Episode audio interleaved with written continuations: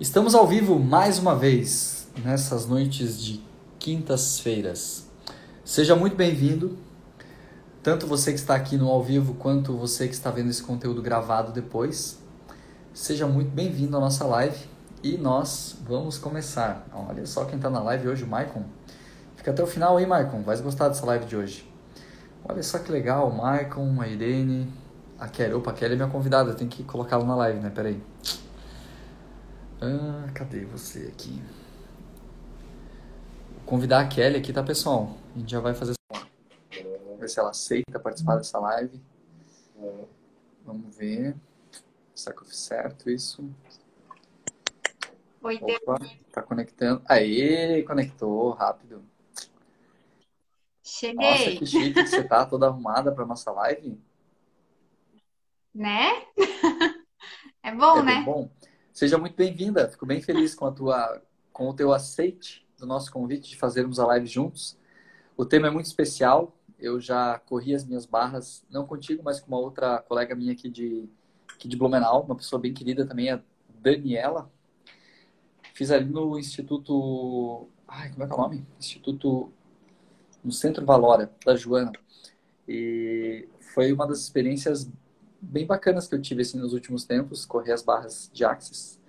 Vou deixar você explicar um pouquinho e aí depois a gente começa essa live juntos aí. Se apresenta também, né, Kelly, para essa nossa audiência aqui. Com certeza. Gratidão, né, Dani? Nossa, é uma honra para mim. Eu tava, eu tô com uma paciente aqui ao vivo. Ela tá aqui no consultório, ela já ficou para ver a ela pra live gente, daqui.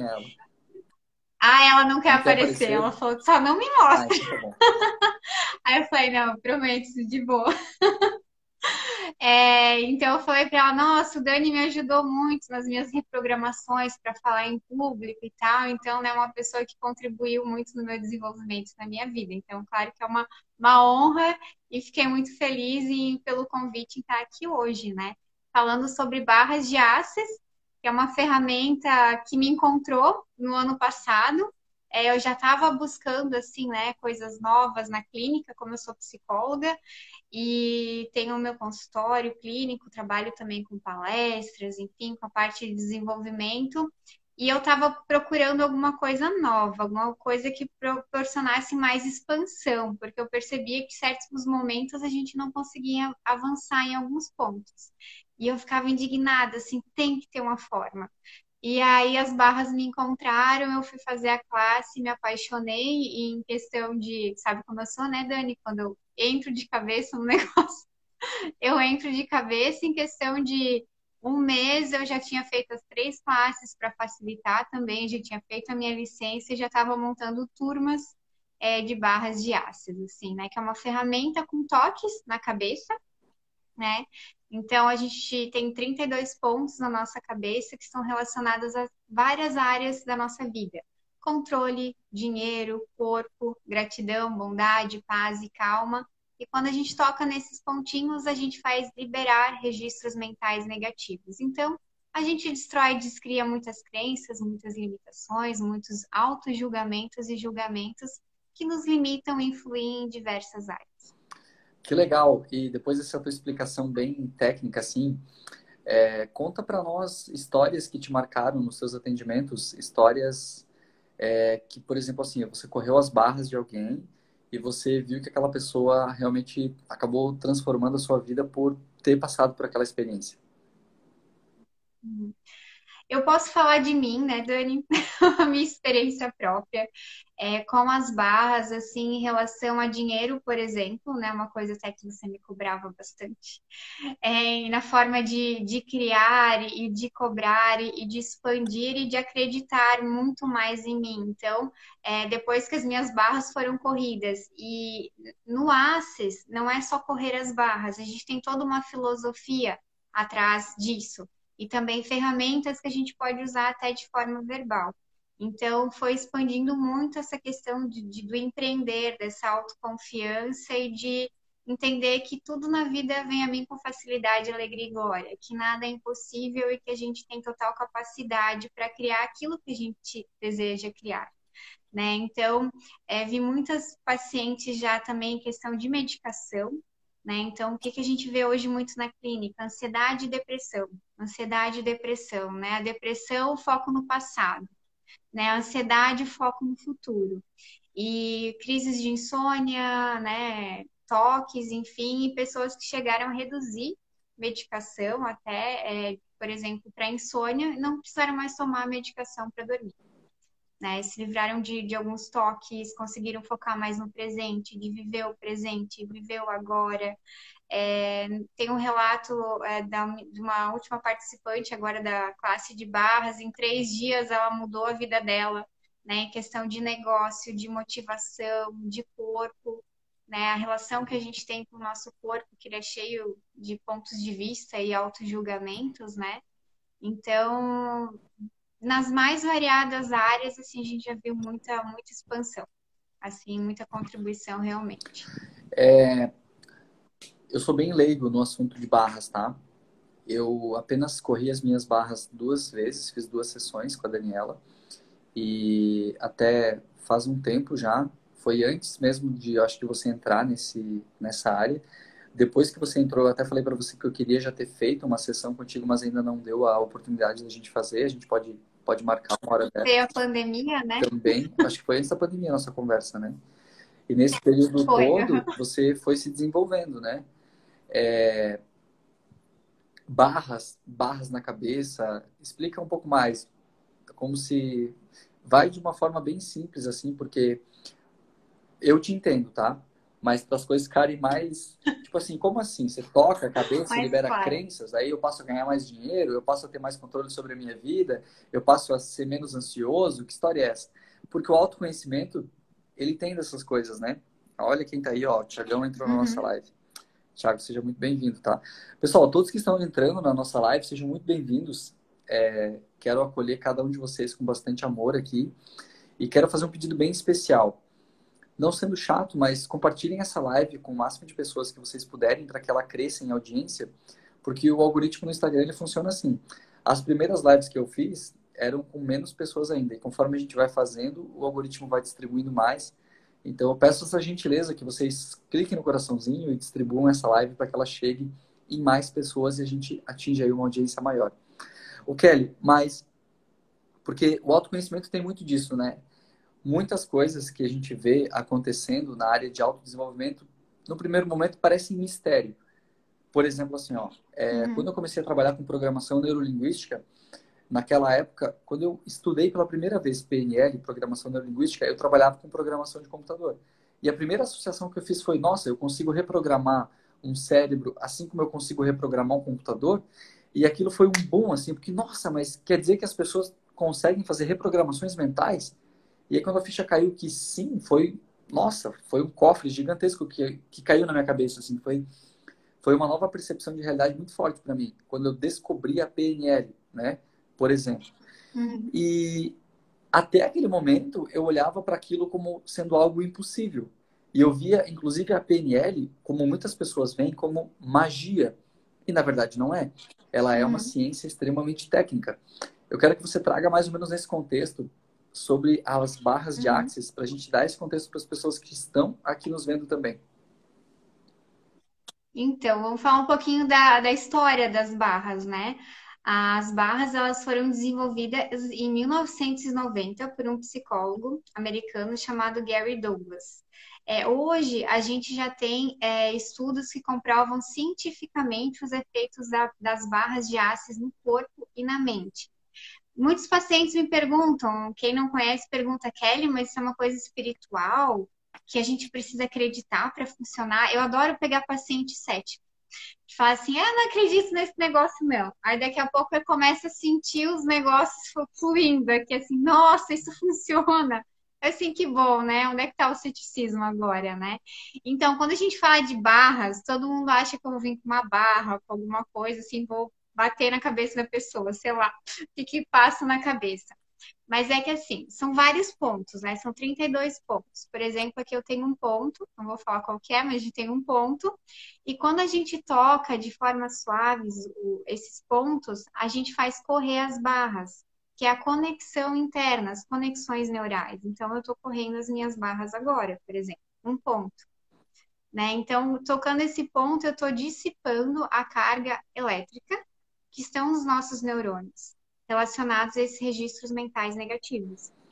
Então, a gente vai dissipando é, essa carga densa que está ali, digamos, bloqueando a, aquela área da nossa vida. Por exemplo, dinheiro, é, cura, alegria, tristeza. Então, se eu tenho crenças ali, quando eu começo a dissipar é, energeticamente esses pontos, que está relacionado com a física quântica, uhum. né? Então, não é nada espiritual, eu começo a dissipar esses registros. No Access, como você falou da programação, a gente fala que é que nem clicar a tecla delete do computador. Eu estou deletando, estou apertando nos botões, estou deletando aquilo, aquelas limitações eu consigo passar a funcionar de uma forma diferente, a criar uma nova realidade para minha vida que não está baseada naquelas limitações que eu vim juntando as inhacas ao longo da minha vida, né? Que nossa mente gosta de juntar inhaca, né? E aí vai criando um monte de coisa que acaba nos limitando. Quantas barras tem, Kelly, na cabeça? Ficou um pouco mais claro, Dani. Ficou, ficou sim. Eu vou te fazendo mais perguntas, a gente vai, vai desenvolvendo o assunto, acho que ele vai sim. ficando cada vez mais claro. Quantas barras a gente tem na cabeça? 32 pontos. Esses 32 pontos, cada um deles está relacionado a uma determinada energia, alguma determinada coisa? Como é que funciona? A uma determinada área do nosso a uma determinada área da nossa vida. Tem uma, você falou. Ó, a minha prima tá aqui, ela falou que é renovadora, assim, ela já ela passa aqui comigo e ela também já aprendeu, já ensinei para ela. E me diz uma coisa, por exemplo, assim, ó, é... vou fazer pergunta aí. Se eu fizer umas perguntas ruins, tu me fala, tá? Mas, por exemplo, assim, ó, existe um ponto que, ou existe uma barra, um ponto que é relacionado a dinheiro, por exemplo? Existe? Tem um ponto que é dinheiro. Existe. E como é que é isso? Porque, por exemplo, assim, ó. Tem é... um ponto que é criatividade, por exemplo. Como seria o quê? Tem um ponto que é criatividade. Sabe por que, que eu pergunto desse do dinheiro? Porque, por exemplo, assim, ó, tem várias coisas que a gente consegue associar é, a coisas naturais que existem em nós. Por exemplo, assim, ó, você falou de criatividade. Criatividade é uma energia que existe em nós, muito forte, de é, de algo muito natural nosso mesmo, sem mesmo ter essa concepção do dinheiro, por exemplo. Mas o dinheiro foi algo inventado pelo ser humano, digamos, né? Foi, um, foi algo inventado para facilitar as negociações, digamos. Como é que isso é entendido? É... Tu, tu entendeu o que eu quis te perguntar? Não... É, é, que assim, para o Access, dinheiro é energia. Energia de troca. Então, isso está relacionado, por exemplo, à nossa é, capacidade de criar dinheiro na nossa vida, não necessariamente só o papel. Né? Mas a, o o que, que são os processos corporais? Eles estão muito relacionados ao receber. Por isso que a gente trabalha com toque. Porque nessa realidade onde a gente foi, é, digamos, ensinado, a gente não aprendeu a receber. Então, se alguém te oferece, por exemplo, ah, vem lá em casa, final de semana, tomar um café.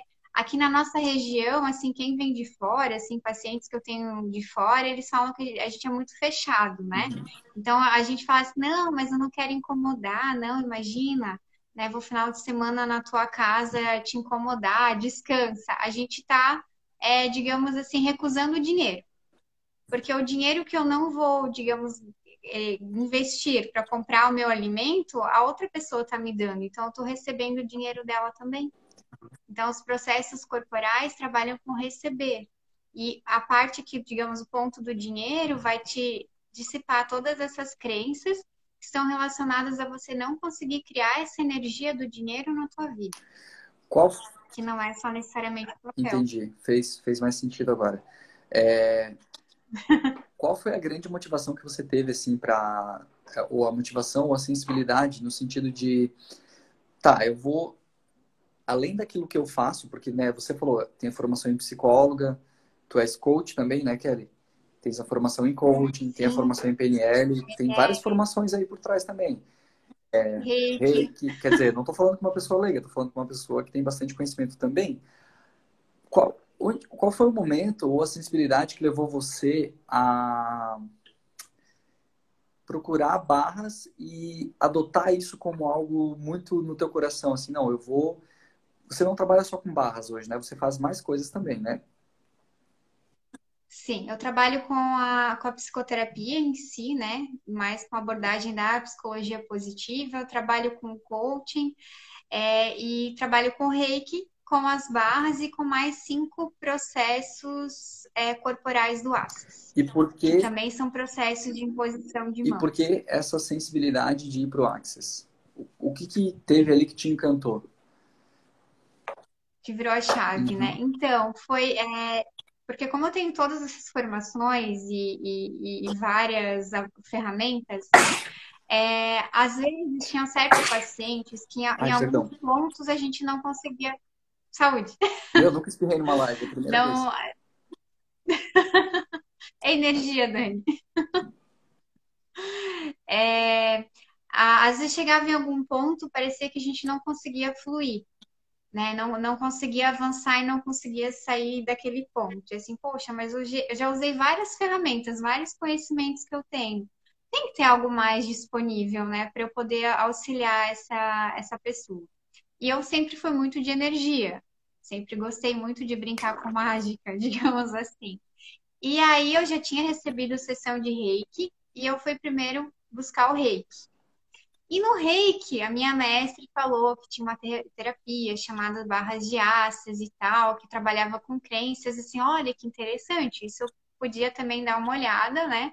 Porque falando de psicologia positiva, minha primeira força de caráter é o amor aprendizado, então, né, estudar para mim nunca tem tempo ruim.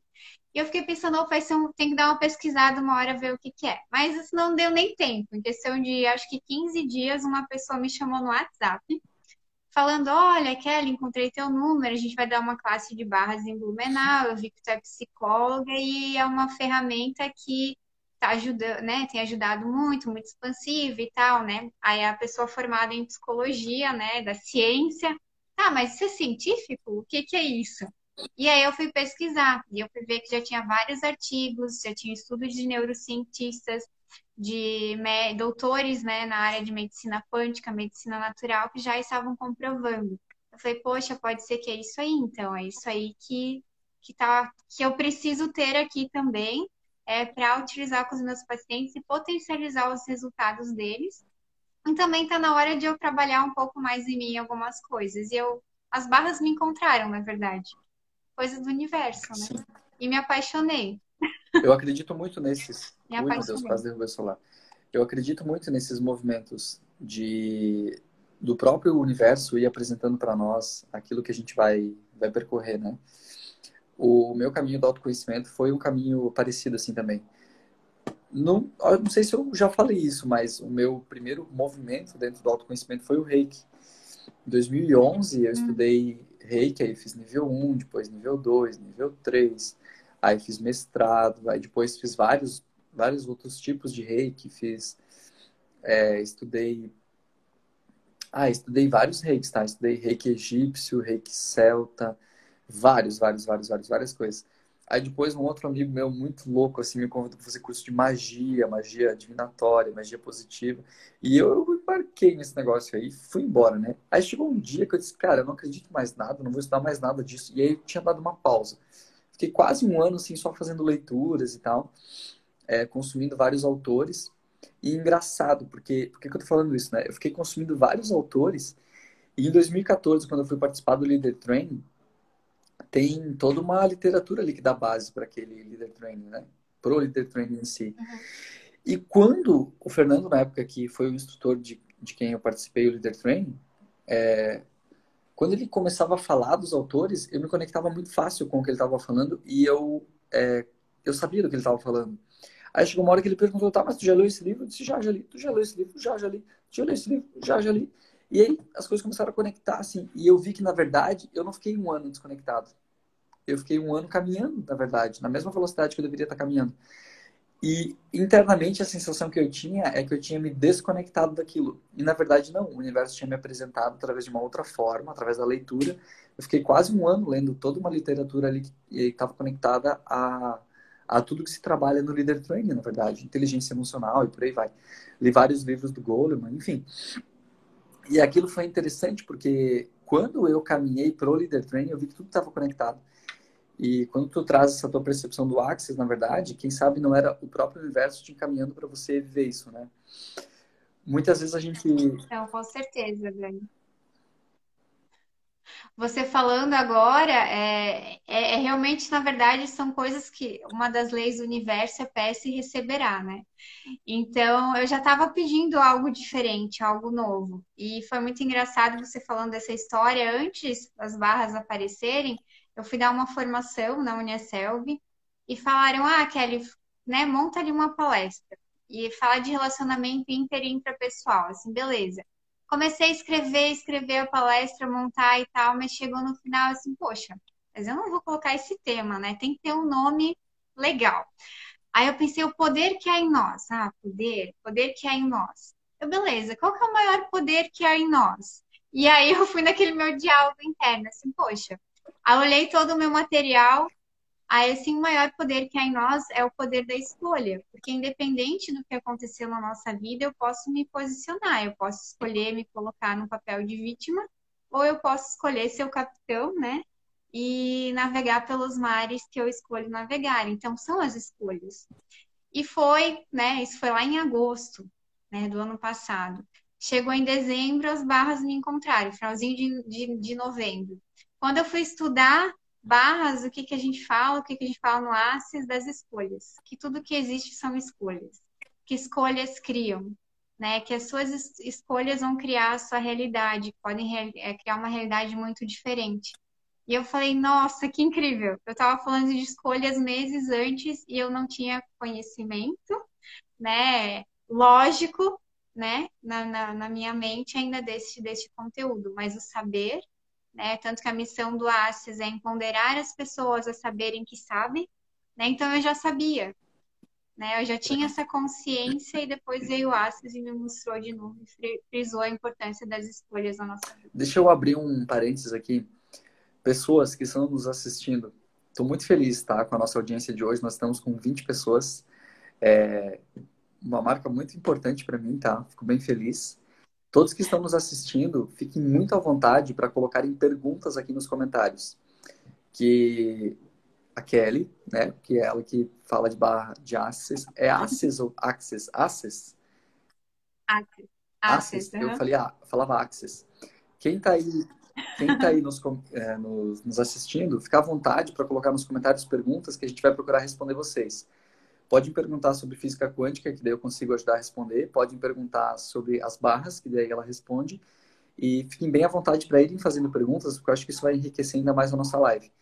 Porque, para não ficar um papo aqui muito, tipo. Eu, Nós dois, é, né? Eu sei que você curte, né? Essa vibe de física quântica e tal. A gente até pode entrar, mas vamos cuidar que se a gente entrar nisso, para a gente ir fechando, tipo assim, os, os lapsos de dúvidas que a gente pode abrir, porque sempre que a gente fala de física quântica, a gente fala de escolhas, fala, fala de física quântica, você trouxe uma coisa bem interessante, né? É, ah, mas o maior poder que há dentro de nós, as nossas escolhas. Pode ser, eu, eu concordo contigo, mas acho que tem um poder ainda maior dentro de nós aí. Eu posso jogar aí a provocação para ti, quem sabe, né? Mas é, falar de física quântica é encantador, né? Qual a relação que você vê assim de física quântica com as barras? Então, é Mas esse trabalho com a simples, energia, tá? Pra todo né? mundo entender, vai lá. Não, é a questão energética de, é porque os neurônios eles se comunicam através de é que a gente tem que entrar com a parte neurocientífica, vai, né, vambora, Dani? Adoro isso, através da os nossos neurônios através da se comunicam através de sinapses, que são descargas elétricas.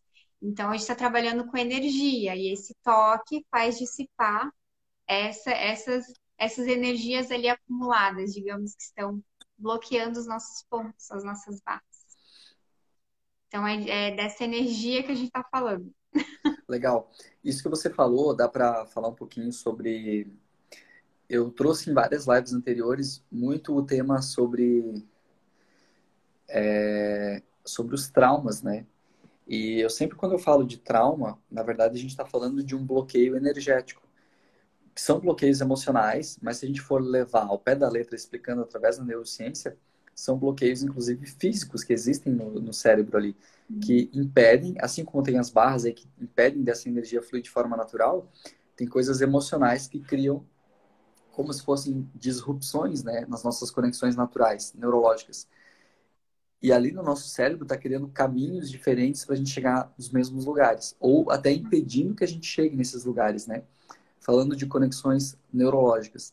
E quando a gente resolve um trauma, quando a gente reprograma um trauma, é como se essas conexões elas perdessem aquele caminho traumático e elas criassem um novo caminho, um caminho que seria o natural, um caminho leve, onde essas químicas, tanto emocionais quanto elétricas, talvez vamos colocar assim, elas fluem de forma natural. Dá para dizer que quando a gente corre uma barra de access, a gente está correndo uma crença de uma pessoa ou uma conexão neurológica, talvez até as conexões emocionais. Por exemplo, assim, ó, imagina que uma pessoa teve um trauma na infância de foi abusado, por exemplo. Dá para através das barras mexer nessa estrutura? Sim, porque numa sessão a gente vai correr todos os pontos. Tem um, porto, um ponto, por exemplo, que é corpo. Então, a pessoa foi abusada fisicamente, ela tem um trauma no corpo relacionado a isso. Isso vai ser trabalhado também.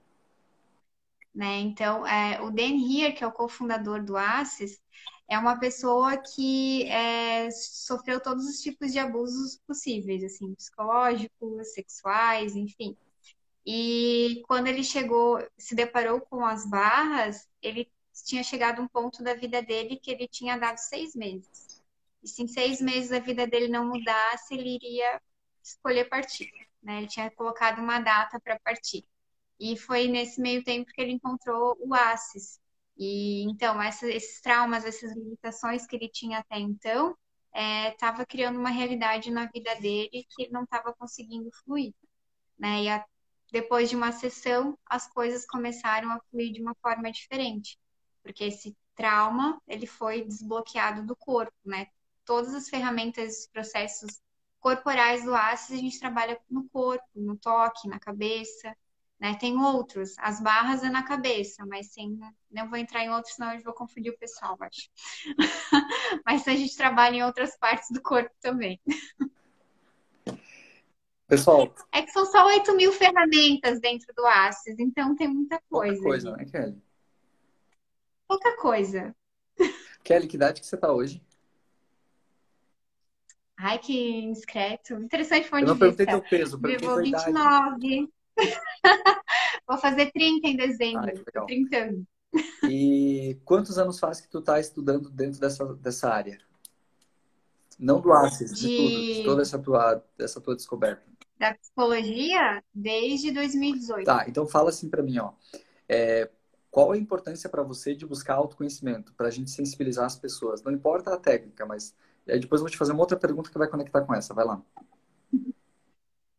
É, qual a importância? É 100%, né, Dani? Porque a, o nosso autoconhecimento, o nosso autocuidado é uma coisa que tem que permanecer sempre, tem que ser contínuo. É, não chega um momento na nossa vida, eu agora com 29 anos vou dizer, não, eu já evolui tudo que eu tinha que evoluir, eu já aprendi tudo que eu tinha que aprender, aprender e tá tudo ok. Isso é uma constância.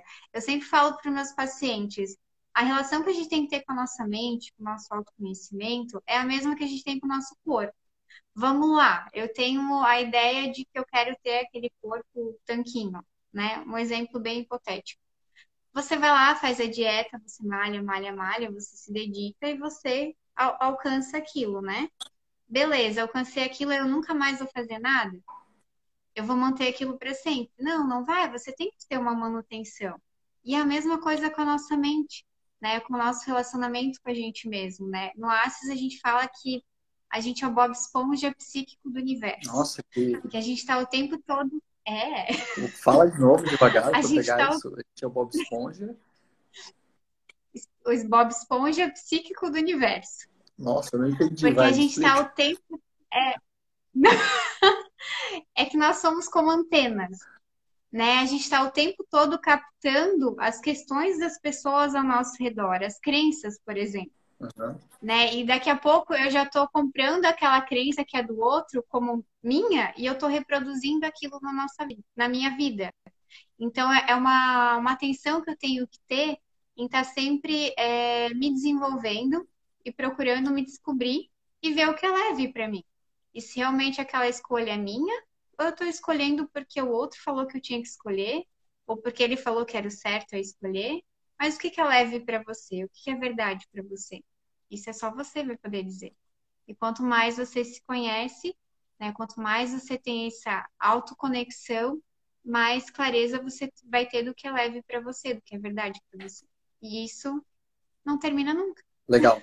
Isso me faz lembrar de uma dinâmica de um treinamento que nós temos, que você participou, no qual a gente vai conduzindo a pessoa a fazer uma, a revisitar cada uma das fases da sua vida, para perceber em qual momento ela se sentiu realmente responsável por aquilo que acontece na vida dela, né?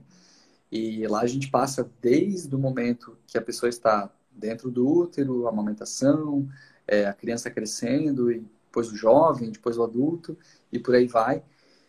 E nesse trabalho que tem ali, a pessoa às vezes percebe que ela já está adulta, digamos assim, ela já tem idade de ser adulta, já passou dos 30 anos, por exemplo, mas ela ainda não se sente responsável, né? Por realmente aquilo que está acontecendo na vida dela. E isso me conecta com um texto que eu escrevi hoje, essa semana, escrevi ontem, é, que a dor, na verdade, não é a dor, a dor ela vem como uma informação, na verdade, né? Para justamente mostrar que se tem algo doendo, é uma informação de que é, a, dor, a dor é como uma sede ou como uma fome, né? Quando a gente tem fome, a gente precisa de comida. Quando a gente tem sede, a gente precisa tomar água. Então, quando alguma coisa está doendo, a gente precisa colocar a nossa atenção naquilo que está doendo para realmente ver, opa, mas qual é a informação que tem aqui, né? Tem um amigo meu aqui de Blumenau que ele só come comida crua ele pratica o crudivorismo, né? E engraçado que a forma como ele trata a, o relacionamento dele com o alimento é muito interessante, porque ele fala que quando ele está comendo algo, ele está recebendo uma informação do meio. E aquilo é muito interessante porque ele não está comendo pensando em, no prazer daquela comida, ele está pensando na informação que ele está recebendo daquele meio. E quando você fala de barras e quando você fala também de física quântica e a gente fala aí das dores, tudo isso está muito conectado, porque tem sim esse, isso que você falou de que o nosso maior poder sobre nós mesmos são as nossas escolhas, mas tem uma inteligência muito maior também por trás, né, Kelly? Talvez tu vai concordar comigo que muito do que a gente quer para a nossa vida está nas nossas mãos e a gente pode controlar, mas muito do que acontece nas nossas vidas está fora do nosso controle. Porque, por exemplo, assim, ó, olha a conexão que teve ali, né? Do ano de 2013 até o ano de 2014, eu sentia, eu tinha a sensação de que eu estava um ano sem me autodesenvolver, sem me autoconhecer, sem fazer treinamentos, por exemplo, ou sem comprar cursos e tal nesse sentido. Mas, na verdade, o próprio universo, Deus, sei lá, alguma coisa estava me conduzindo naquele momento para que eu estivesse lendo livros que fossem me conectar depois a treinamentos que eu dou. Quer dizer, será que eu escolhi isso lá atrás? Será que alguém estava escolhendo? O que, né? O quanto que tem, né, do nosso poder de escolha, o quanto que tem o meio nos influenciando, o quanto que tem é uma coisa bem fantástica isso, né? Eu acredito sim, claro, nós temos o nosso poder de escolher, eu acredito muito que nós co-criamos a nossa realidade, mas tem uma inteligência tão grande funcionando entre você, entre mim, entre as pessoas, entre tudo que acontece, e essa inteligência, eu gosto de falar que é Deus, tá? É, mas aí cada um na sua crença vai falar o que quiser, né?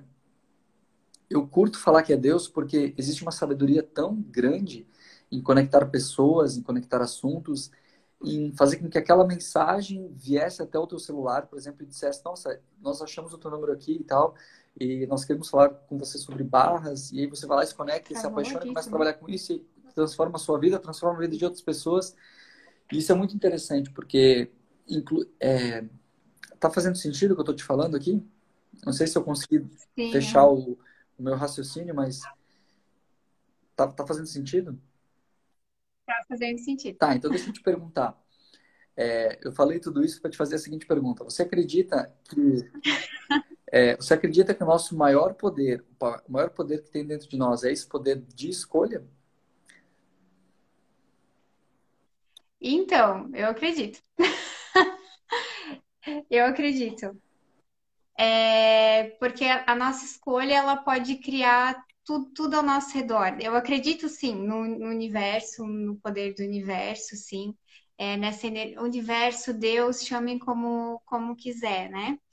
É, de acordo com, com a sua crença. E, e é isso que, que vai criar a nossa realidade. Mas sim, podem ter energias, essa inteligência que você fala que vai nos conduzir, digamos, de acordo com a missão que a gente tem aqui nesse planeta. Seria mais ou menos esse sentido, eu acho. Legal. Não, faz sentido sim o que tu colocou. É, faz diferença eu participar de uma sessão de barras acreditando ou não acreditando? Porque, por exemplo, assim, ó, se uma pessoa chegar para mim e me disser que acredita ou que não acredita em reprogramação mental, o resultado dessa pessoa, eu aplicando uma técnica, por exemplo, de reprogramação mental, vai ser o mesmo. Se ela me disser que acredita, uhum. ou se ela me disser que não acredita, inclusive se ela disser assim, ah, eu duvido, né? Você sabe o que você fez PNL, né? É, até tem uma história interessante, assim, ó, quando eu fui fazer, quando eu fui estudar programação neurolinguística... No laboratório, quase, na formação, né, Dani? Como é que é? Vocês fizeram um laboratório comigo quase na formação, né? Eu fiz várias. Vocês usaram várias, de vários modelos. Eu adoro fazer laboratório, tá? E... É, eu fui usada em algumas experiências, demonstrações. Eu vou te dizer assim, ó, que eu nunca tive medo de experimentar as técnicas, né? Porque eu acredito que sempre acreditei que as técnicas nunca pudessem provocar nenhum mal, tá? As técnicas de PNL, por exemplo. E de fato, né, tudo que você faz com PNL é reversível tanto para o mal, se é que é possível fazer alguma coisa para o mal, quanto para o bem. Mas tem uma história muito interessante e essa história vai me permitir eu tomar vinho aqui durante a live contigo, tá? Mas eu vou contar essa história para poder fazer tá sentido. Quando eu fiz a formação de PNL lá em 2014, é, eu não tomava vinho, tá? E eu sempre gostei de Coca-Cola. Eu adoro Coca-Cola até hoje, tá? Eu tenho que até cuidar, porque é um vício, assim, ó, eu tomo demais. E até eu consegui fazer uma evolução, assim, ao invés de tomar Coca-Cola, eu tomo Coca-Cola zero. Tipo assim, eu me engano um pouco mais, sabe? E tá tudo certo, mas enfim. E lá na época, quando foi apresentada a técnica para mim de gostar de gostar, quem estava lá dando o treinamento falou assim para mim, falou para a turma, né? É, quem aqui duvida e tal que eu posso fazer vocês gostarem de tal coisa? Eu disse, ah, cara, não tomo vinho nem que me pague, eu falei. E aí, quando eu falei isso, ele disse, ah, tem a cobaia certa. Ele deve ter pensado na cabeça dele, né? E aí ele disse assim, ah, então, tu quer testar? Vem aqui, vamos testar. Aí, enfim, ele fez a dinâmica de gostar de gostar comigo, né? O que é a dinâmica gostar de gostar? Dá para você, dá para você programar no cérebro de alguém, né? Desde que a pessoa queira. Por exemplo, assim, ah, a pessoa que não gosta de comer salada, dá para fazer uma programação mental para ela passar a gostar de comer salada. A pessoa que não gosta de tomar muita água durante o dia, né? Para você fazer ela gostar de tomar mais água durante o dia. Enfim, essas programações são possíveis, né? Mas lá na época, antes de eu conhecer a técnica, eu duvidei daquilo. E aí, o que, que ele falou para mim? Ah, então, fala uma coisa que você gosta muito. Aí eu trouxe, ah, eu gosto muito de Coca-Cola e tal. Aí ele aplicou a técnica comigo. E moral da história, à noite, a gente saiu jantar para comer pizza. E ele pediu um vinho e ele serviu uma taça para mim. Ele disse assim: ah, experimenta. E quando eu tomei, eu gostei. Meu, e foi mágico aquilo, né? Então, é, muitas vezes a gente tem essas crenças, né, de que, de que dá, de que não dá. Mas por que, que eu tô falando tudo isso? Porque se uma pessoa chegar para mim e disser assim, ah, eu acredito ou eu não acredito em reprogramação mental e ela passar pela experiência da hipnose, ela passar pela experiência de uma técnica de PNL, como o switch, como, sei lá, qualquer uma das técnicas que a gente usa ali, o fato é que essa pessoa vai ter uma reprogramação mental feita, vai ter um efeito na cabeça dela. As barras também são assim? Como é que é isso? Me explica. Sim, também funciona, tá, Dani? Como eu falei no início, ela não precisa acreditar para funcionar. Ela acreditando ou não vai fazer efeito né? A minha florzinha que não quer aparecer, mas ela, ela é uma pessoa. Vira a câmera pra ela, assim. Que veio meio relutante, assim, né? E ela super gosta, hoje. Como é que é o nome dela? Pode falar né? o nome dela? Só, só disse sim. Ela tá aqui assistindo também, né? Só dá um sim lá, Jenny. Diz que é verdade. Confirma comigo. então ela, ó, sim, ela comentou aqui, ó. Então ela é uma pessoa que veio relutante, assim, e hoje ela vê que as barras têm seu valor. Que legal. e também não acreditava, né? Alguns pacientes já vieram assim bem céticos. Esses são os mais legais. Sem pensar, sem pensar só nas barras, mas em tudo que você já viveu assim, né? Nesses teus poucos anos de vida, que eu acredito que você é bem nova ainda, tá, Kelly? Não sei nem porque que tu se preocupa em falar a tua idade ainda, mas tudo bem. É... Eu falei zoando, é tudo um ponto de vista. Ah, então tá bom. Qual foi a, se é que teve, a maior transformação que você viveu assim ao longo do teu processo de sem, sem falar de técnica específica, mas algo que você olha para trás. Vou, vou, te falar por que isso, tá? Fui no meu barbeiro é, esses dias, fui, foi, essa semana, foi essa semana fazer a barba e ele já fez dois treinamentos comigo e já participou de um processo de coaching comigo também. É, corta a barba faz três anos ali com ele, a barba e o cabelo. Três anos, é, faz três anos. Então, a gente sempre conversa sobre muitas coisas, né? E engraçado, assim, porque ele já participou de três treinamentos comigo, ele fez, inclusive, imersões, né? Que, nossa, são bem impactantes, né? E aí, nessa semana, sem revelar quem é meu barbeiro, ele me perguntou, tu quer me recomendar um psicólogo? Eu disse, posso te recomendar um psicólogo, mas o que está rolando aí? Me conta, né? Quem sabe eu posso te ajudar? Eu falei para ele, eu não sou, não sou psicólogo, mas, né? Me fala quem sabe eu posso te ajudar. Aí ele compartilhou lá e tal a situação. Eu realmente poderia ajudar ele, mas como a gente até tem uma proximidade assim, eu senti que seria melhor encaminhar ele, né?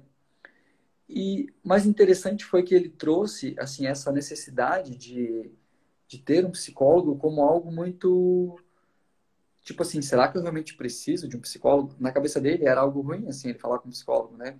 Na cabeça dele tinha uma crença, por exemplo, de que mas será que eu preciso de ajuda psicológica? Tipo, será que eu será que eu preciso disso? E eu também tive isso por algum tempo, por exemplo, assim, ah, procurar um psicólogo, isso, aquilo, e eu já tive que procurar também vários, é, várias pessoas, assim, né? Essa caminhada, ela vai nos abrindo essas possibilidades, né? Queria que você falasse um pouco sobre, sobre essa, essa percepção, né, de que as pessoas têm, de, tipo assim, ah, procuro um psicólogo, não procuro, procuro um coach, não procuro, procuro por hipnose, não procuro, é, procuro por fazer treinamentos, tipo assim, tem pessoas que acreditam, inclusive, que é, tem pessoas que acreditam, inclusive, que buscar autoconhecimento vai ser ruim. Outras acreditam que vai ser bom. Eu quero que você fale um pouquinho sobre isso, contando a tua história, assim, ó. Por que, que valeu a pena tu procurar autoconhecimento para tua vida? E antes disso, Não. deixa eu só te... Diga. Antes disso, quero pedir que as pessoas... Pedir às pessoas que estão nos assistindo... Pergunta. Que façam perguntas, claro, que a gente vai responder. Pode perguntar o que vocês sentirem no coração que querem saber mas que vocês também enviem a nossa live para mais pessoas para que a gente aumente a nossa audiência e que desçam o dedo no coraçãozinho para que o nosso Instagram distribua ainda mais a nossa, a nossa live aqui de hoje. Responde o que eu te perguntei. Vamos lá, quero ver se tu vai, o que tu vai então, trazer. Nossa, acho que eu falei antes o ano errado, né? Tu perguntou desde quando que eu estudo isso, mas eu falei 2018, é 2008. Eu encerrei só um pouquinho. Desde 2008, que foi quando eu comecei a faculdade de psicologia, né? E nessa caminhada toda, Dani, tudo isso que você falou é... tem muito, assim, muitos mitos ainda sobre a busca de um atendimento psicológico, né? Então, às vezes tem pacientes que chegam para mim e falam assim, Kelly, mas eu não sou louca, né? É, eu não sou louco, né? Eu falei, não, você não é louco, você é extremamente inteligente porque você está buscando ajuda, você está buscando desenvolvimento pessoal. A, as pessoas ainda têm a falsa ilusão de que para eu procurar um psicólogo, ou um coaching, ou qualquer tipo de, de terapia para melhorar, para me autoconhecer, para me desenvolver, eu preciso estar no fundo do poço ou eu preciso ter um diagnóstico, um diagnóstico é, de alguma psicopatologia. Não, você pode escolher se desenvolver a qualquer momento. E todo o processo de autoconhecimento e desenvolvimento pessoal são para todos, para todos que estão é, interessados em desenvolvimento, em expansão de consciência e de para que desejam aumentar o nível da sua vida, né? De aumentar o seu bem-estar, a sua qualidade de vida e alcançar muitas vezes sonhos que são lá dentro da caixinha porque a gente acha que não é possível, né? Ah, então, tu falou assim, né? O que, que eu procuro, né? Eu sempre falo que todas as práticas, todas as ferramentas, elas são complementares. Uma não exclui a outra, uma não é melhor que a outra. Mas, por exemplo, tem coisas, digo aqui do meu trabalho, assim, né, Dani? Uhum. Tem coisas que eu vou utilizar o reiki para estabilizar, né, para é, desenvolver com aquela pessoa. Tem coisas que são as barras que vão é, dar um, um up a mais no seu desenvolvimento. Tem outras coisas que a PNL, eu uso muito a PNL também na clínica, bastante mesmo.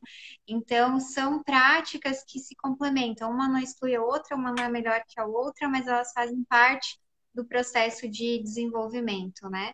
Eu, durante a minha jornada, sim, eu né, já fiz, fiz ali o Leader Training com vocês, fiz formação de PNL, fiz terapia, né? Desde os 17 anos já eu comecei a fazer terapia, fiz a faculdade, e eu acho que a maior virada de chave, a maior evolução, assim, foi quando eu comecei a acreditar em mim, na verdade né? Que eu comecei a, a, Eu sempre digo que até hoje eu uso com os meus pacientes e nas palestras aquela dinâmica da criança, de se reconectar. Hum. E eu digo que essa foi a dinâmica que eu falei que mudou. Porque eu peguei a minha Kelinha no colo, né? Que para quem não sabe é uma dinâmica na, na PNL, onde que a gente volta, né, e se reconecta com a nossa criança e a gente tem um momento lá nosso, né? E eu peguei ela aquele dia, eu trouxe ela para mim e falei assim, não, chegou o momento de eu escolher por você, de honrar a sua história, honrar tudo que tu passou, realizar os teus sonhos, é, porque até então eu não estava fazendo isso na minha vida. Então eu tomei muito isso para mim, eu tomei a minha Kelinha no colo eu falei, eu vou cuidar de ti agora e eu não vou esperar que ninguém mais faça isso por você, porque era minha minha autorresponsabilidade comigo mesmo, né?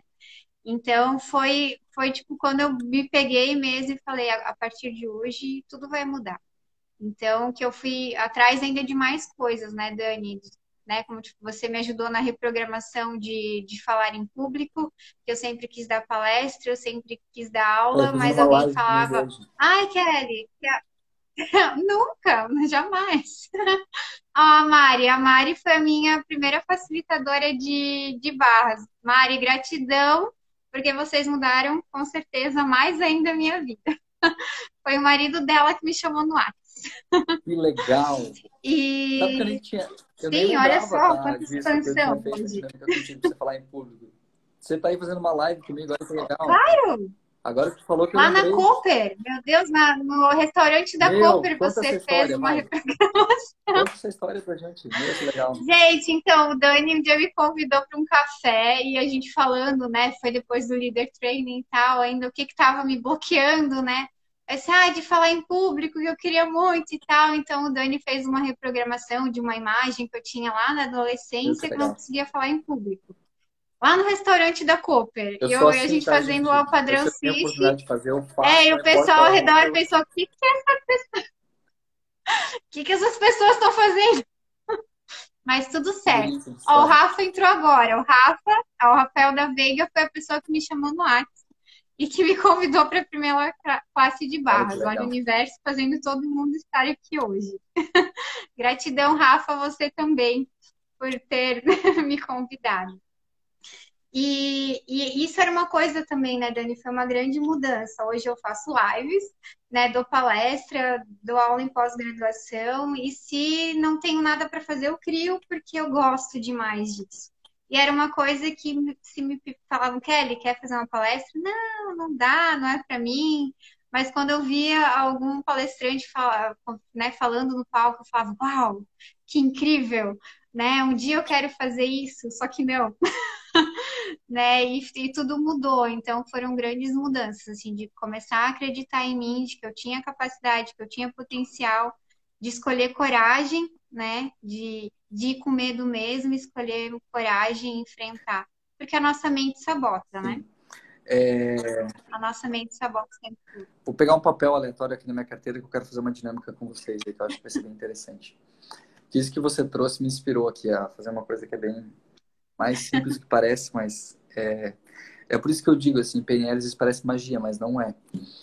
É, mas antes, deixa eu perguntar, vocês que estão assistindo a live, está fazendo sentido para vocês essa live? Estão curtindo? Não estão? Gostaram da Kelly? Deixa nos comentários aqui. A gente está com 26 pessoas nos assistindo aqui agora. Tem pessoas que eu percebi que estão desde o começo da live. Acabei de dar uma espiadinha aqui para ver quem está.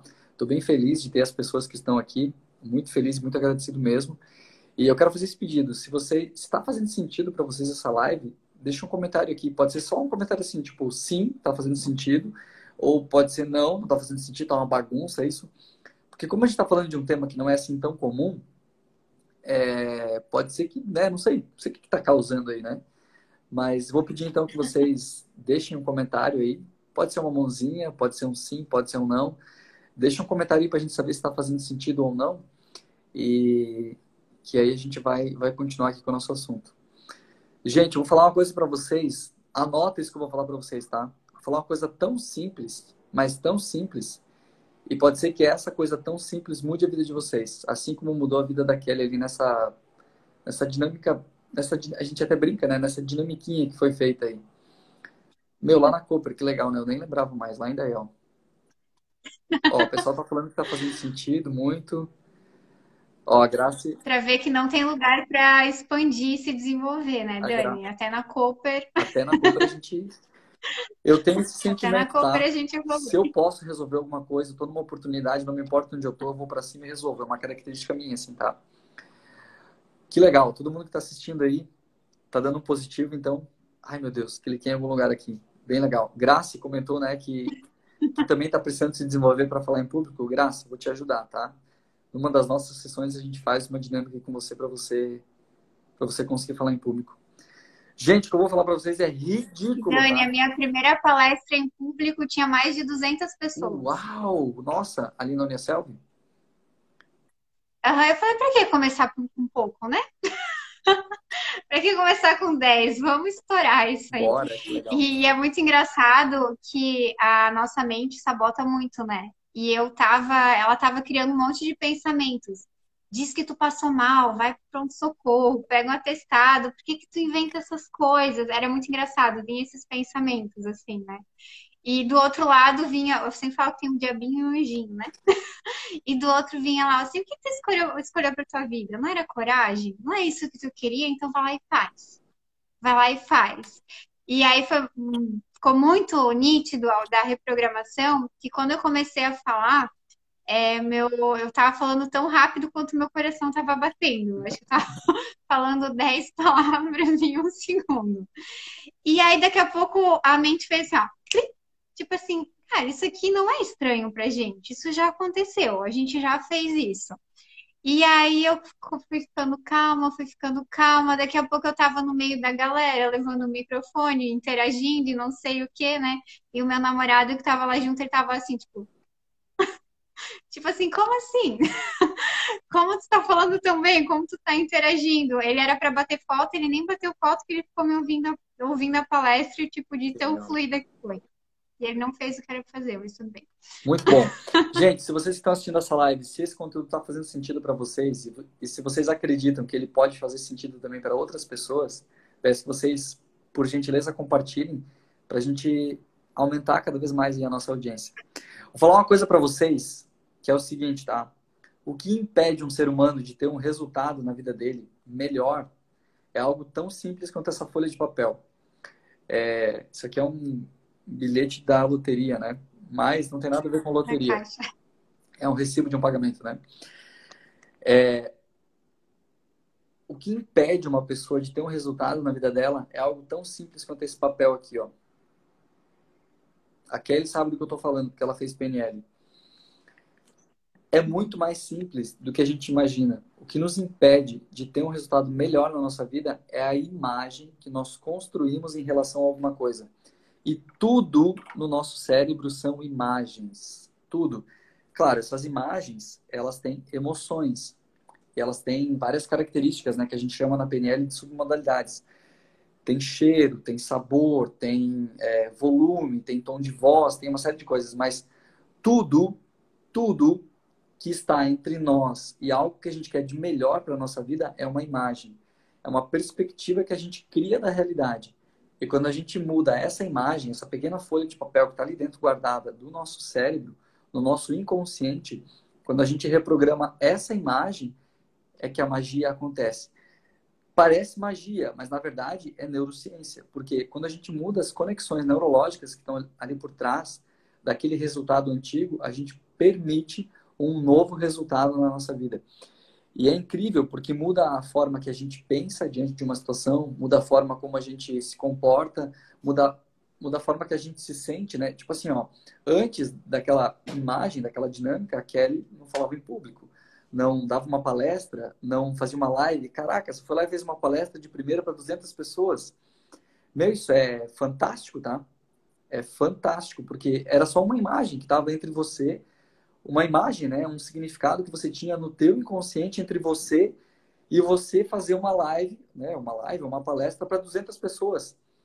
Aí você quebra aquela imagem, você vai lá e consegue se posicionar, consegue fazer, consegue. Cara, é fantástico isso. É por isso que eu gosto tanto de reprogramação mental, por isso que eu sou tão apaixonado por essa área de, de PNL, de hipnose e por aí vai, né? É, é assim, ó, é. Meu, chega a dar brilho no olho falar numa coisa dessas. É fantástico, realmente. Eu saí aquele dia de lá, assim, parecia que eu tinha chego na lua. Foi incrível mesmo, assim, de, de fazer e de gostar e querer fazer mais e mais. E hoje é super natural, né, Dani? É tipo, eu vou falar para 40, 50, 100 pessoas, é que nem eu estivesse no meu grupo de amigos, assim. Super natural. Eu descuidei aqui um pouco dos comentários, deixa eu ver aqui. Se tem mais alguma coisa. Legal. Kelly, a gente colocou o tema da nossa live como expansão de consciência. Destrincha um pouquinho isso aí para nós, vai lá. Expansão de consciência, é porque o, todas as ferramentas do Access, né, como eu falei, Access Consciousness é essa fonte de empoderamento, né, que foi criada ali pelo Gary Douglas, onde que outras pessoas foram se unindo e foram desenvolvendo outras ferramentas, outros processos corporais. Como eu falei, além das barras, eu tenho mais cinco processos na clínica corporais, além dos verbais que a gente pode utilizar, né? várias ferramentas que eu falei do interessante ponto de vista, por exemplo, é uma ferramenta do ACES, é, que a gente, eu ensino para meus pacientes, ensino nas classes também. É, e o que eu falo para os meus pacientes sempre após correr uma, uma sessão de barras, após correr suas barras, né? Tudo ao seu, ao seu redor pode continuar igual, mas a, a tua forma de se relacionar com essas coisas é que começam a mudar. Então, coisas que talvez antes te irritavam muito passam a não irritar mais. Daqui a pouco você vai tomando consciências de novas escolhas, de novas possibilidades na sua vida, né? Você vai perceber talvez que algo que você tinha colocado como um ponto de vista fixo, que aquilo era o certo que você tinha que fazer, daqui a pouco expande e você percebe que tem outras possibilidades. É, a gente tem tempo, Dani, porque dá uma hora corta, não né? Não corta, tá? A gente pode falar à vontade. Não corta mais? O meu não ah, corta, que tá? legal. Não corta. Não. Ah, tá. Que uma, uma vez passou e cortou e ficou no ar, tá, né? e daí diz uma ah, coisa. Por exemplo, é que eu ia dar um exemplo de expansão de consciência. Não, tudo bem. Já te deixo dar esse exemplo. Deixa eu só te fazer uma pergunta. Quando a tua live cortou naquele dia, ela, você conseguiu salvar ela ou não? Ah, é que era outra pessoa que estava transmitindo. Aí eu nem sei o que, que deu, mas aí a gente fez mais uma chamada e deu Porque eu já arrisquei um pouquinho mais, assim, a, a, a live de terça agora a gente foi para quase uma hora e quarenta, não cortou, tá? E não sei se a gente uhum. arrisca, tipo assim, vamos até onde dá, ou se a gente vai mais um pouco, tipo uma hora e meia, né? Vamos, vamos conversando aí. Não, vamos, vamos ver onde, onde vai. É, por exemplo, na expansão de consciência. É um exemplo que eu dou e que foi muito nítido para mim. Ano passado, eu fiz o processo seletivo na Federal, para o mestrado. No meio onde que eu, que eu trabalho, né, que é na Unicelv também, é, o diploma ele é muito valorizado, né, principalmente de mestrado, doutorado. E sim, é algo que tipo, eu escolho fazer, talvez um dia, né? Vamos ver, né? O que é o que é, o que é disponível. Mas eu fiz o processo seletivo ano passado pela UFSC. Eu passei com o orientador que eu queria, no projeto que eu queria, com a segunda melhor nota é, da, da, da, minha linha de pesquisa.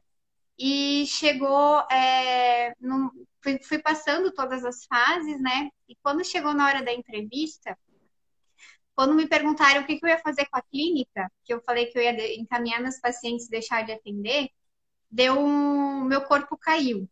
Assim, ele se encolheu todo. E eu saí lá da entrevista, tipo, quase chorando. Eu cheguei no carro, falei para namorado, eu não quero mais.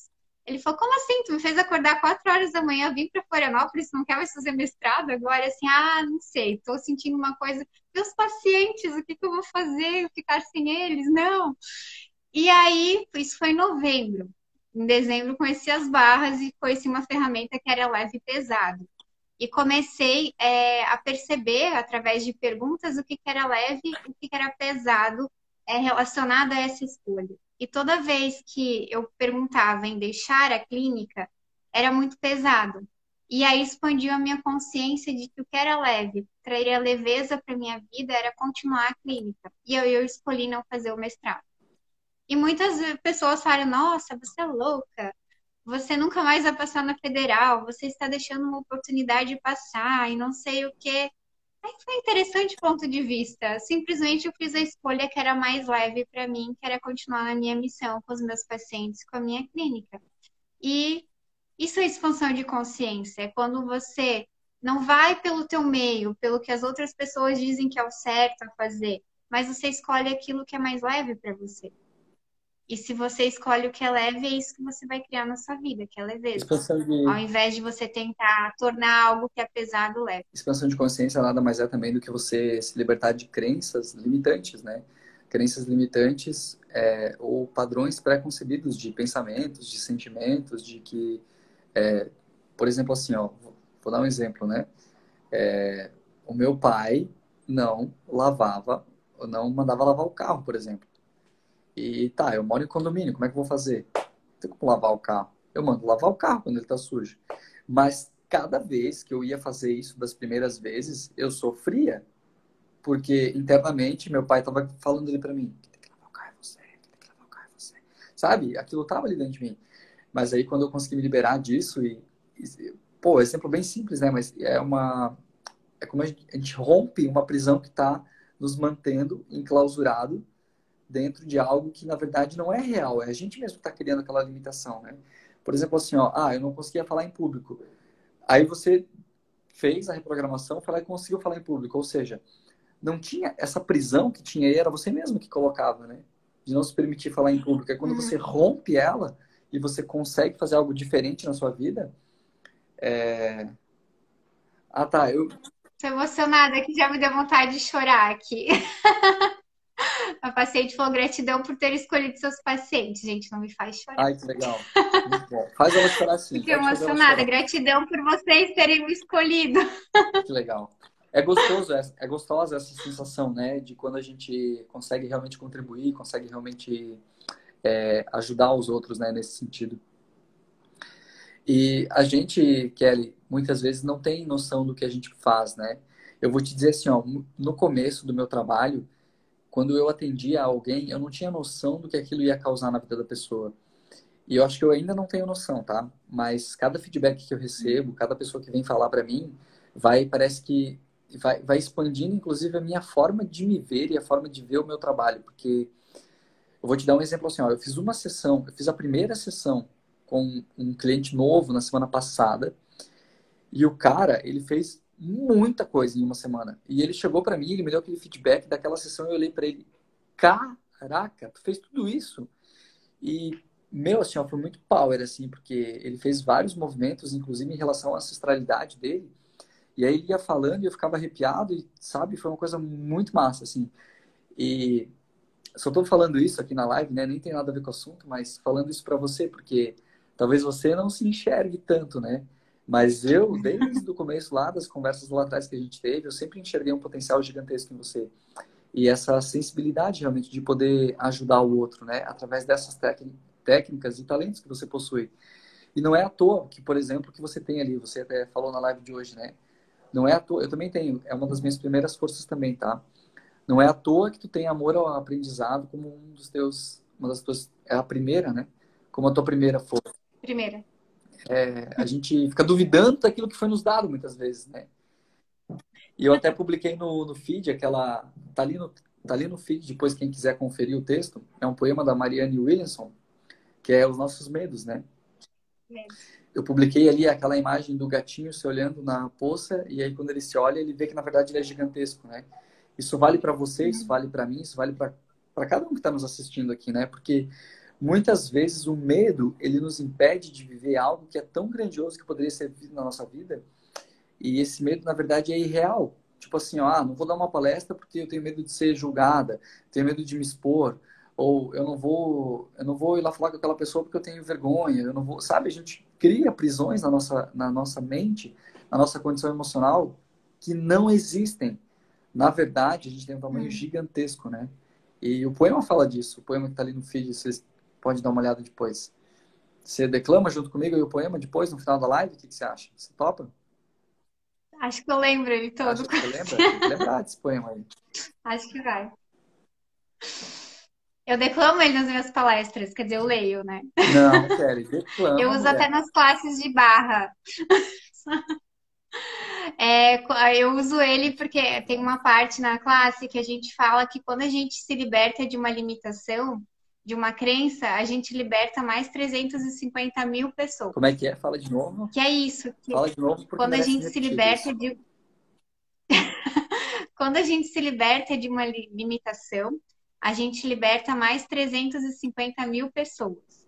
Né? Que é justamente o que, que o poema fala, né? Que é, quando a gente se liberta dos nossos medos, a gente dá permissão para que os outros façam o, o, mesmo, que é essa rede, essa conexão, né? Lembra que eu falei das anteninhas? Sim. E a gente está conectado e a gente está transmitindo isso um para o outro. Então, se eu me liberto dessa crença, se eu começo a inspirar outras pessoas, elas vão começar a fazer isso também e vão fazer para a rede delas, que vão fazer para a rede, e a gente se torna uma, um consciente coletivo muito lindo. Antes da gente declamar esse poema e encerrar a nossa live, eu quero que você deixe uma, uma mensagem, como se fosse a tua mensagem principal aqui, para você deixar na nossa live. Então, eu gosto muito da filosofia do Assis quando a gente fala em ser bondade para a gente mesmo, né? Que muitas vezes, como eu falei quando eu peguei minha quelinha, né? A gente fica esperando que o outro faça para a gente, que o outro nos ame, mas isso é algo que a gente precisa ser e exigir é, para a gente, ser essa bondade com a gente mesmo, né? Uh, a gente, é, esse, auto, esse autocuidado, é, a gente se colocar em primeiro lugar, né? Uh, eu sempre falo que é o egoísmo vital, às vezes ele é necessário, saber dizer não, né? Se colocar é, como prioridade na sua vida e escolher coragem o tempo todo, né? Seja bondade para você mesmo, escolha coragem. Tudo é possível, tudo pode mudar. A pergunta é: você vai escolher isso? Né? Você pode escolher. Toda mudança é possível. E às vezes é com um toque, é com uma reprogramação, é com uma ferramenta simples que a gente pode mudar tudo na nossa vida e, e alcançar muito mais, expandir muito mais. Quando eu olho para ti é, e vejo você desenvolvendo esse teu trabalho, eu fico bem feliz, tá? E porque eu acompanhei um pouco da tua uhum. trajetória, né? Não toda, mas um pouco da tua, da tua trajetória desde que eu te conheci. E sempre que eu me reencontro com você, eu fico feliz porque você sempre tem é, saltos gigantescos assim de, de evolução, tanto como pessoa quanto entrega para os outros, né? E isso me inspira a querer trazer o poema aqui hoje, tá? Na nossa live de hoje. Quem está assistindo a live aqui com a gente, eu quero que faça o seguinte exercício. É, não sei se o celular de vocês é possível de largar ou não, é, mas pega uma das mãos e coloca no coração para ouvir essa mensagem que eu vou trazer aqui para vocês, que a Kelly vai trazer junto comigo.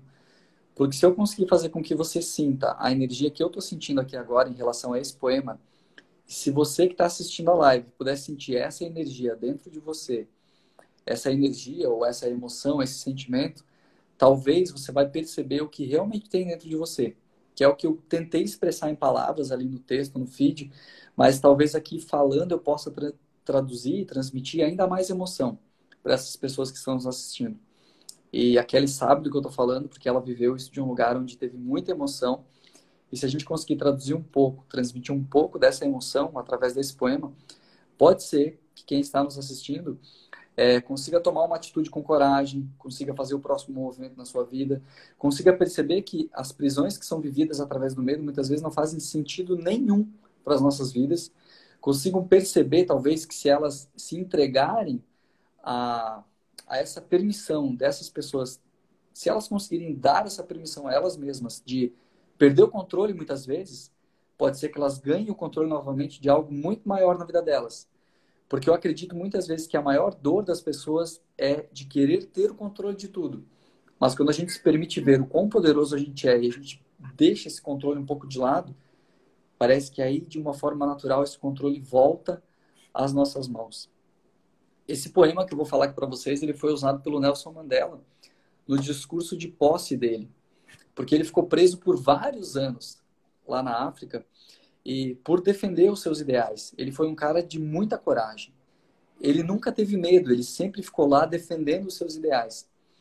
E, inclusive, ofereceram que ele fosse solto da cadeia, fosse solto da prisão, caso ele abrisse mão daquilo que ele acreditava.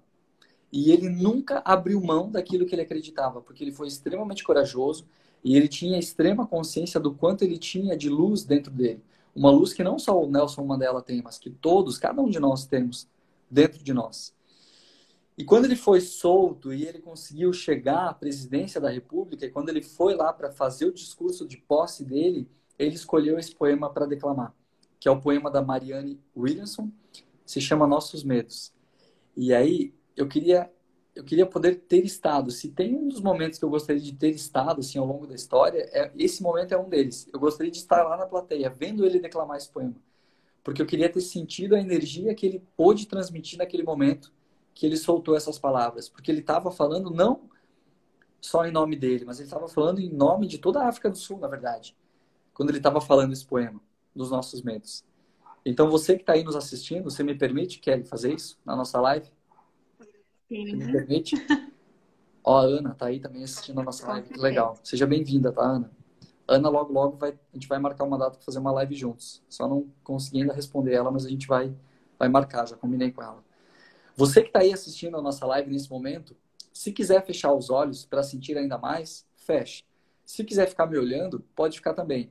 Mas eu vou pedir que você coloque uma mão no coração, pode ser a mão esquerda ou a mão direita, e que você possa realmente sentir essa energia do que eu vou trazer aqui para você. Você vem junto comigo? Vamos lá, se eu, eu fico quieta se eu não saber alguma parte, mas vamos lá. Vem, vem comigo que tu dá conta, vamos embora. Nossos lá. medos. O nosso medo mais profundo não é de sermos inadequados. Não é o de sermos inadequados. Nosso medo mais profundo, Nosso medo mais profundo é que nós somos poderosos além de qualquer medida. Além de qualquer medida. É a nossa luz e não as nossas nossa trevas o que mais nos apavora. Nós nos perguntamos: quem sou eu para ser brilhante, maravilhoso, talentoso e fabuloso? Na realidade, vem, Kelly, quem é você para não ser? Quem é você para não ser? Você, se fazer de você é pequeno, não ajuda o mundo. Não há iluminação em se encolher para que os outros não se sintam inseguros quando estão perto de você. Você é filho do universo. Eu pulei essa frase, né? Por isso que eu te embaralhei aí. Vem comigo, foi eu que errei. Nascemos para manifestar Olha, a glória do universo que está de nós. E conforme nós deixamos a nossa própria luz brilhar, inconscientemente, nós damos permissão aos outros para fazerem o mesmo. E quando nós nos libertamos do nosso medo, a nossa presença automaticamente também liberta os outros. E eu juro que eu queria poder ter estado lá nesse momento que o Nelson Mandela falou esse poema pela primeira vez, no discurso de posse dele, ou talvez quando a própria autora escreveu esse poema, né? O que será que ela estava pensando e sentindo nesse momento? Porque quando a gente olha para os nossos medos e percebe que eles são tão pequenininhos e que nós temos uma luz tão grande dentro de nós, e isso é o que eu acredito que nós temos de mais valioso dentro de nós, esse próprio poder, essa, essa própria luz de Deus, não há nada que faça sentido aprisionar a gente em qualquer sentido. Seja um medo, seja uma falta de, de vontade de fazer alguma coisa. Quando a gente está olhando para alguma coisa e aquilo parece uma limitação para nós, é porque a gente está olhando de um lugar onde aquilo não faz sentido. Porque se a gente olhar para aquilo que nós realmente somos, a gente vai perceber que não há nada que nos impeça de ser tudo isso que a gente colocou aí nesse poema agora juntos, né? Ai, desculpa, eu te embaralhei, né? Eu troquei uma, uma ordem de uma frase. Viu? Tá, eu tô decorada, eu só não sei exatamente as palavras, mas eu tenho. Não, tá bem decorada, sim. Tudo bem, a gente faz uma nova gravação, né? Gente, fez sentido essa live aqui para vocês? Deixa aqui nos comentários, eu quero saber se vocês. Tomaram consciência, né? Gostaram da nossa live? Expandiram consciência. Não fez? Estão gostando? Deixa um comentário final aqui que logo a gente vai, vai encerrar a nossa, nossa live. Irene, obrigado pela tua presença. Vi que você entrou bem no comecinho e ficou até o final aqui com a gente. Obrigadão, tá? Fiquei bem feliz com a sua presença. Gratidão a todos. Gratidão a todos, com certeza. Gente, fez sentido? Ó, oh, a Pamela também estava aí nos vendo, que legal. Pamela, um beijão para vocês, tá? Tô com saudade de vocês. Kelly, deixa a tua mensagem final e eu vou encerrar a nossa live. Vamos lá. Gente, é isso. né? É, sejam bondade com vocês. Busquem aquilo que, que traz leveza, façam escolhas, né? Escolhas criam. escolhas criam, então criem a realidade que vocês desejam para a vida de vocês. Né? Então, a gente é capaz de muito mais do que, do que nos ensinaram. Né? A gente tem um, um poder ilimitado e basta a gente acreditar nisso, a gente escolher isso e a gente pegar a nossa criança e honrar a história dela, honrar os sonhos dela e fazer acontecer. Oh. Kelly, quero te agradecer pela tua presença aqui na nossa live. Agradecer a presença de cada um de vocês. Essa live, vou, se você me permitir, eu vou deixar ela gravada, vou disponibilizar ela no IGTV, Sim. no YouTube. Para quem não sabe, quem não pôde acompanhar a nossa live aqui inteira também, pode assistir depois ela gravada no YouTube e pode inclusive ouvir isso em forma de podcast. Eu vou publicar isso no meu canal do Telegram, no meu canal do podcast. Sabia que eu tenho um podcast agora, Kelly? Lá no Spotify. Olha! Chique, né? Que show! Você que está nos assistindo aí, se você não tem muito tempo, está no trânsito, está com pressa e tal, e quer ouvir de novo esse conteúdo, de tudo que a Kelly falou, de tudo que eu trouxe, pode ouvir inclusive no Spotify. Só procurar lá por Daniel Fraron, Desenvolvimento Pessoal. Tá no Spotify, tá no enfim, tá em todos os lugares aí.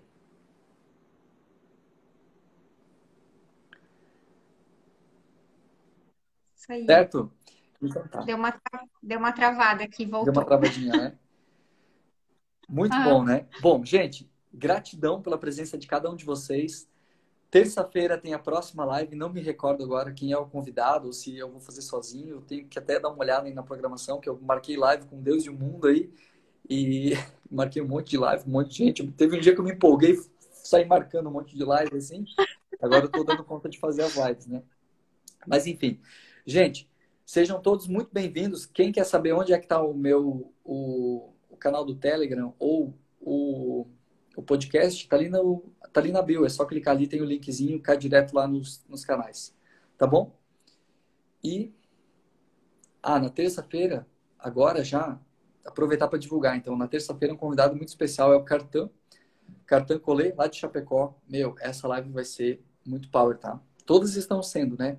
Mas essa live com o Cartan, com certeza, vai ser muito boa. A gente vai falar. O título da live, só para você pegar, é o seguinte: ó, Como construir uma vida valiosa. Esse é o título da live. A gente vai falar na terça-feira sobre isso. Vai ser uma live de arrebentar. Gente, Kelly, muito obrigado pela tua presença. Cada um de vocês que assistiu, muito obrigado também. E vou encerrar nossa. Eu não gosto de encerrar a live, eu sempre fico com o coração na mão aqui, eu quero falar mais. Mas é isso aí, chegamos ao fim, vou encerrar a nossa live e nos vemos no nosso próximo encontro. Isso aí, gente. Gratidão, até mais, fiquem bem. Um beijão para todos aí, até mais. Kelly, gratidão mais uma vez, tá? Tchau.